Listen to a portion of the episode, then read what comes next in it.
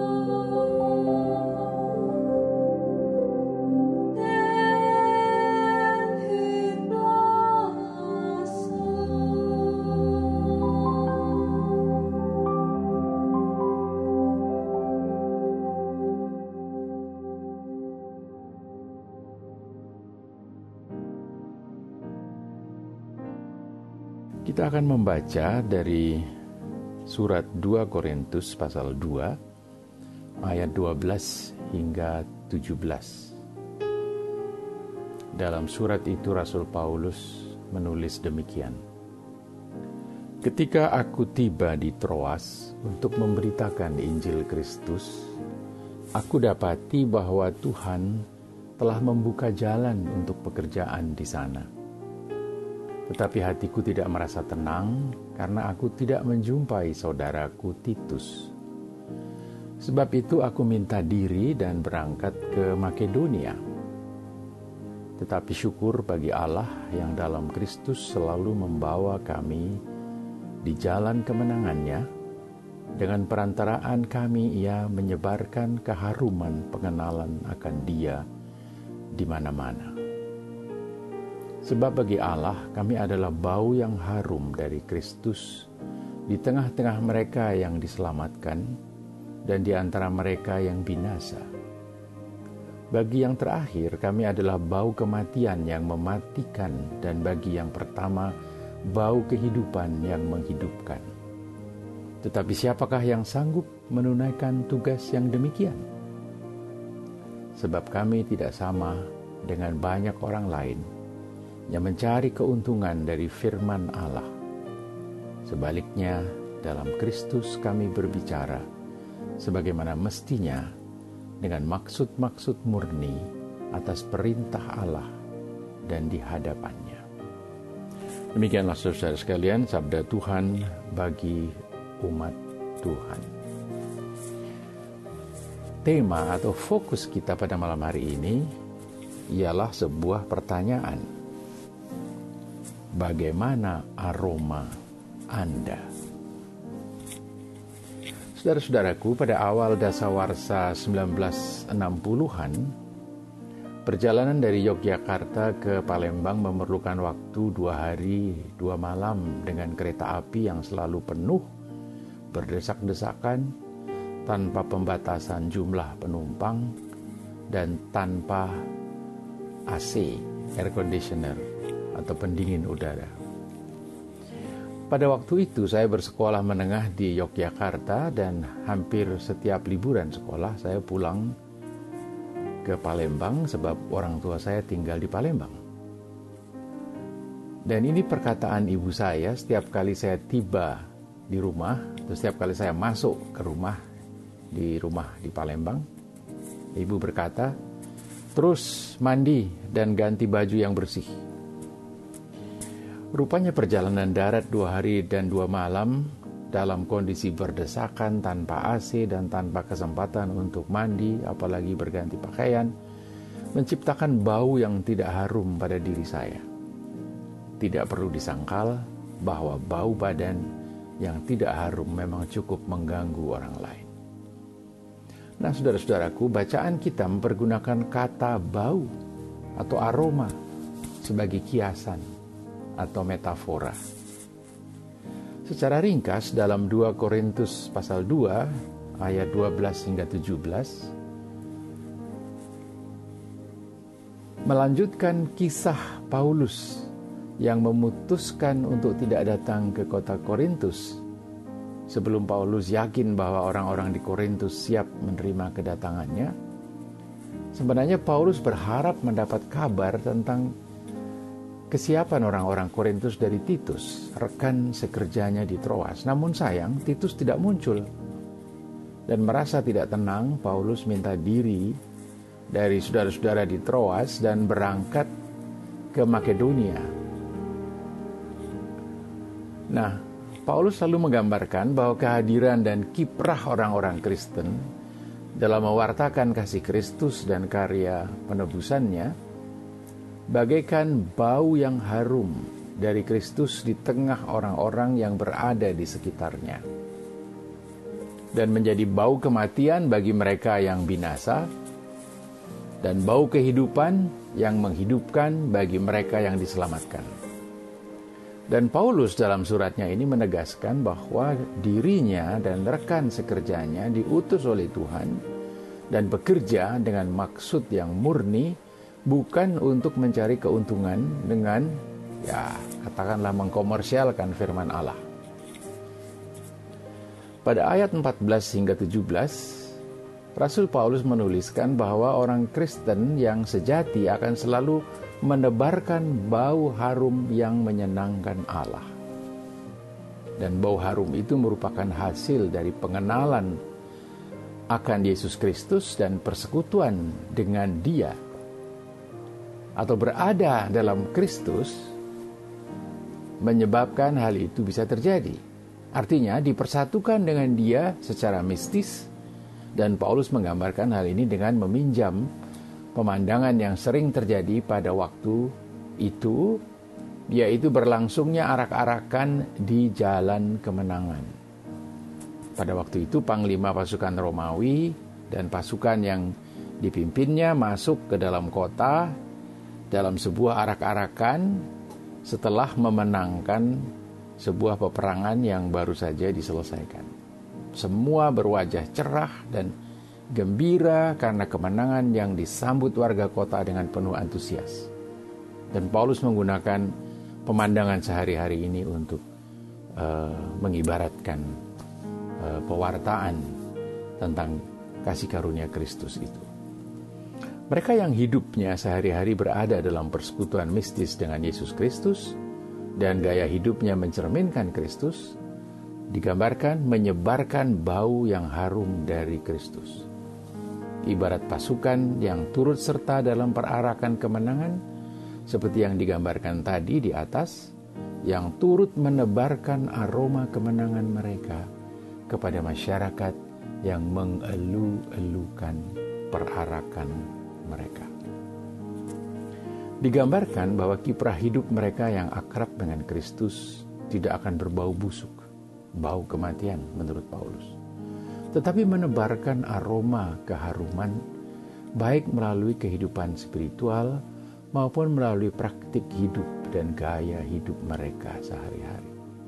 Pengenalan akan Yesus Kristus serta kayanya, karyanya itulah yang akan tercermin dalam gaya hidup orang percaya yang digambarkan sebagai menyebarkan keharuman sepanjang prosesi kehidupan kita di tengah masyarakat.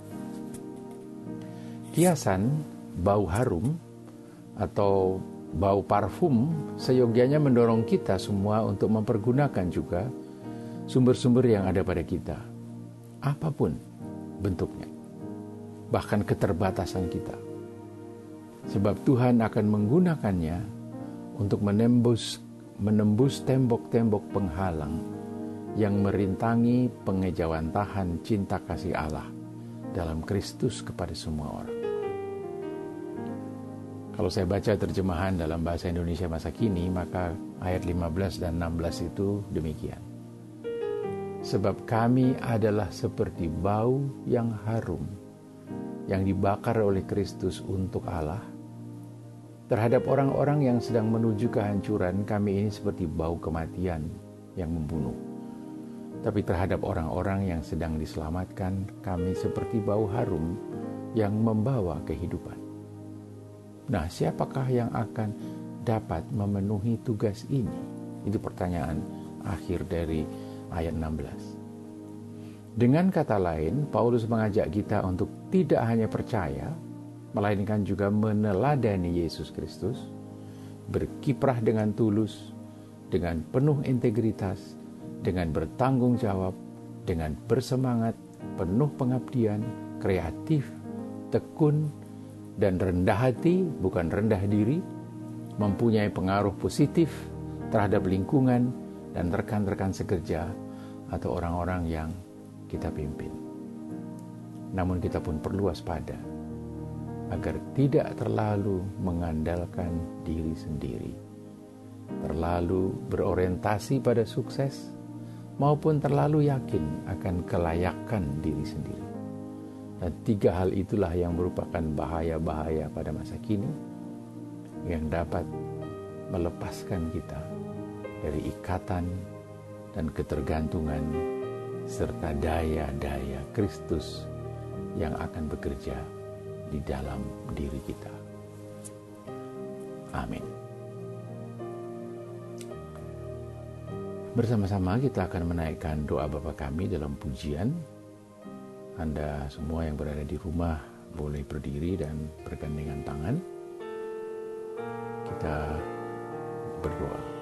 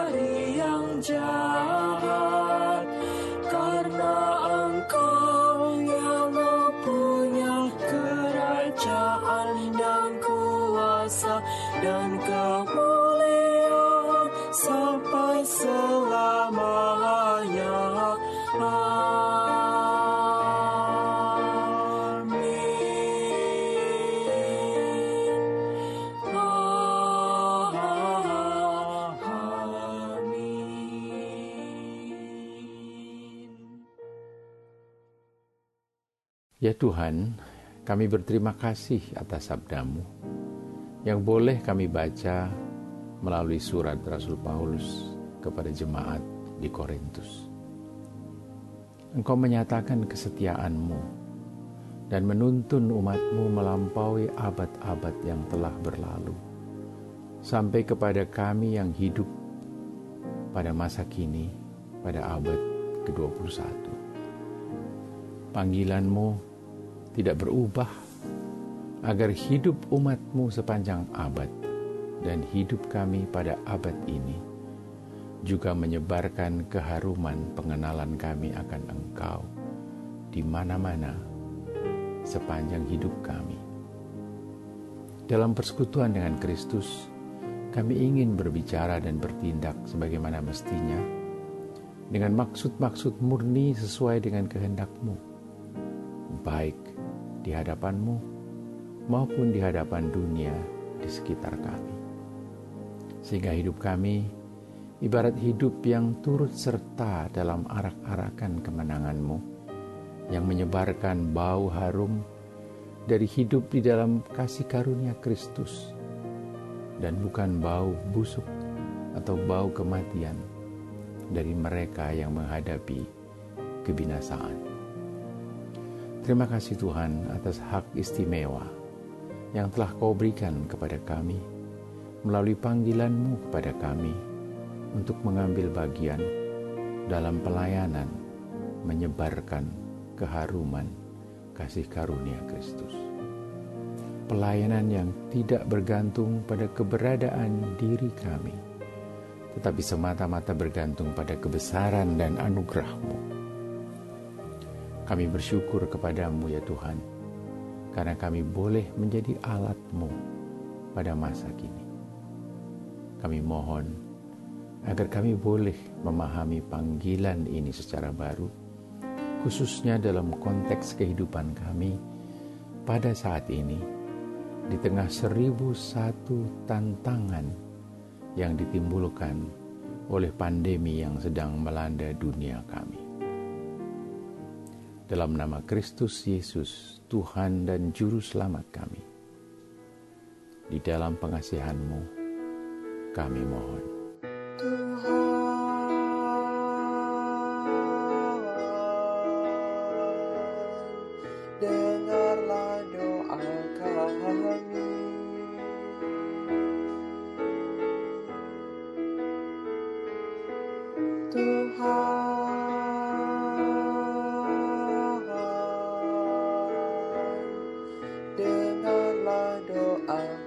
Kami. Tuhan,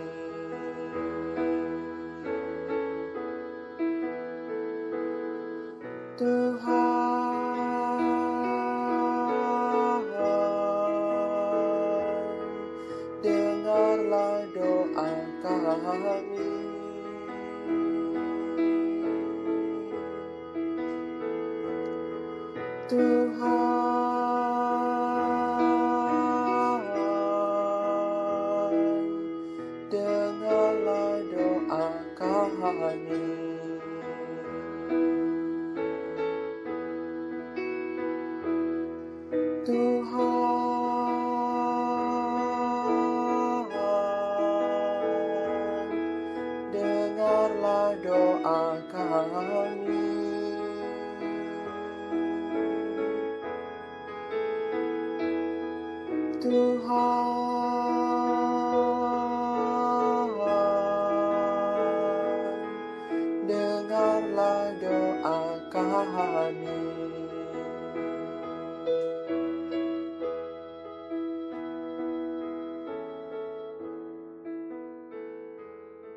Amin.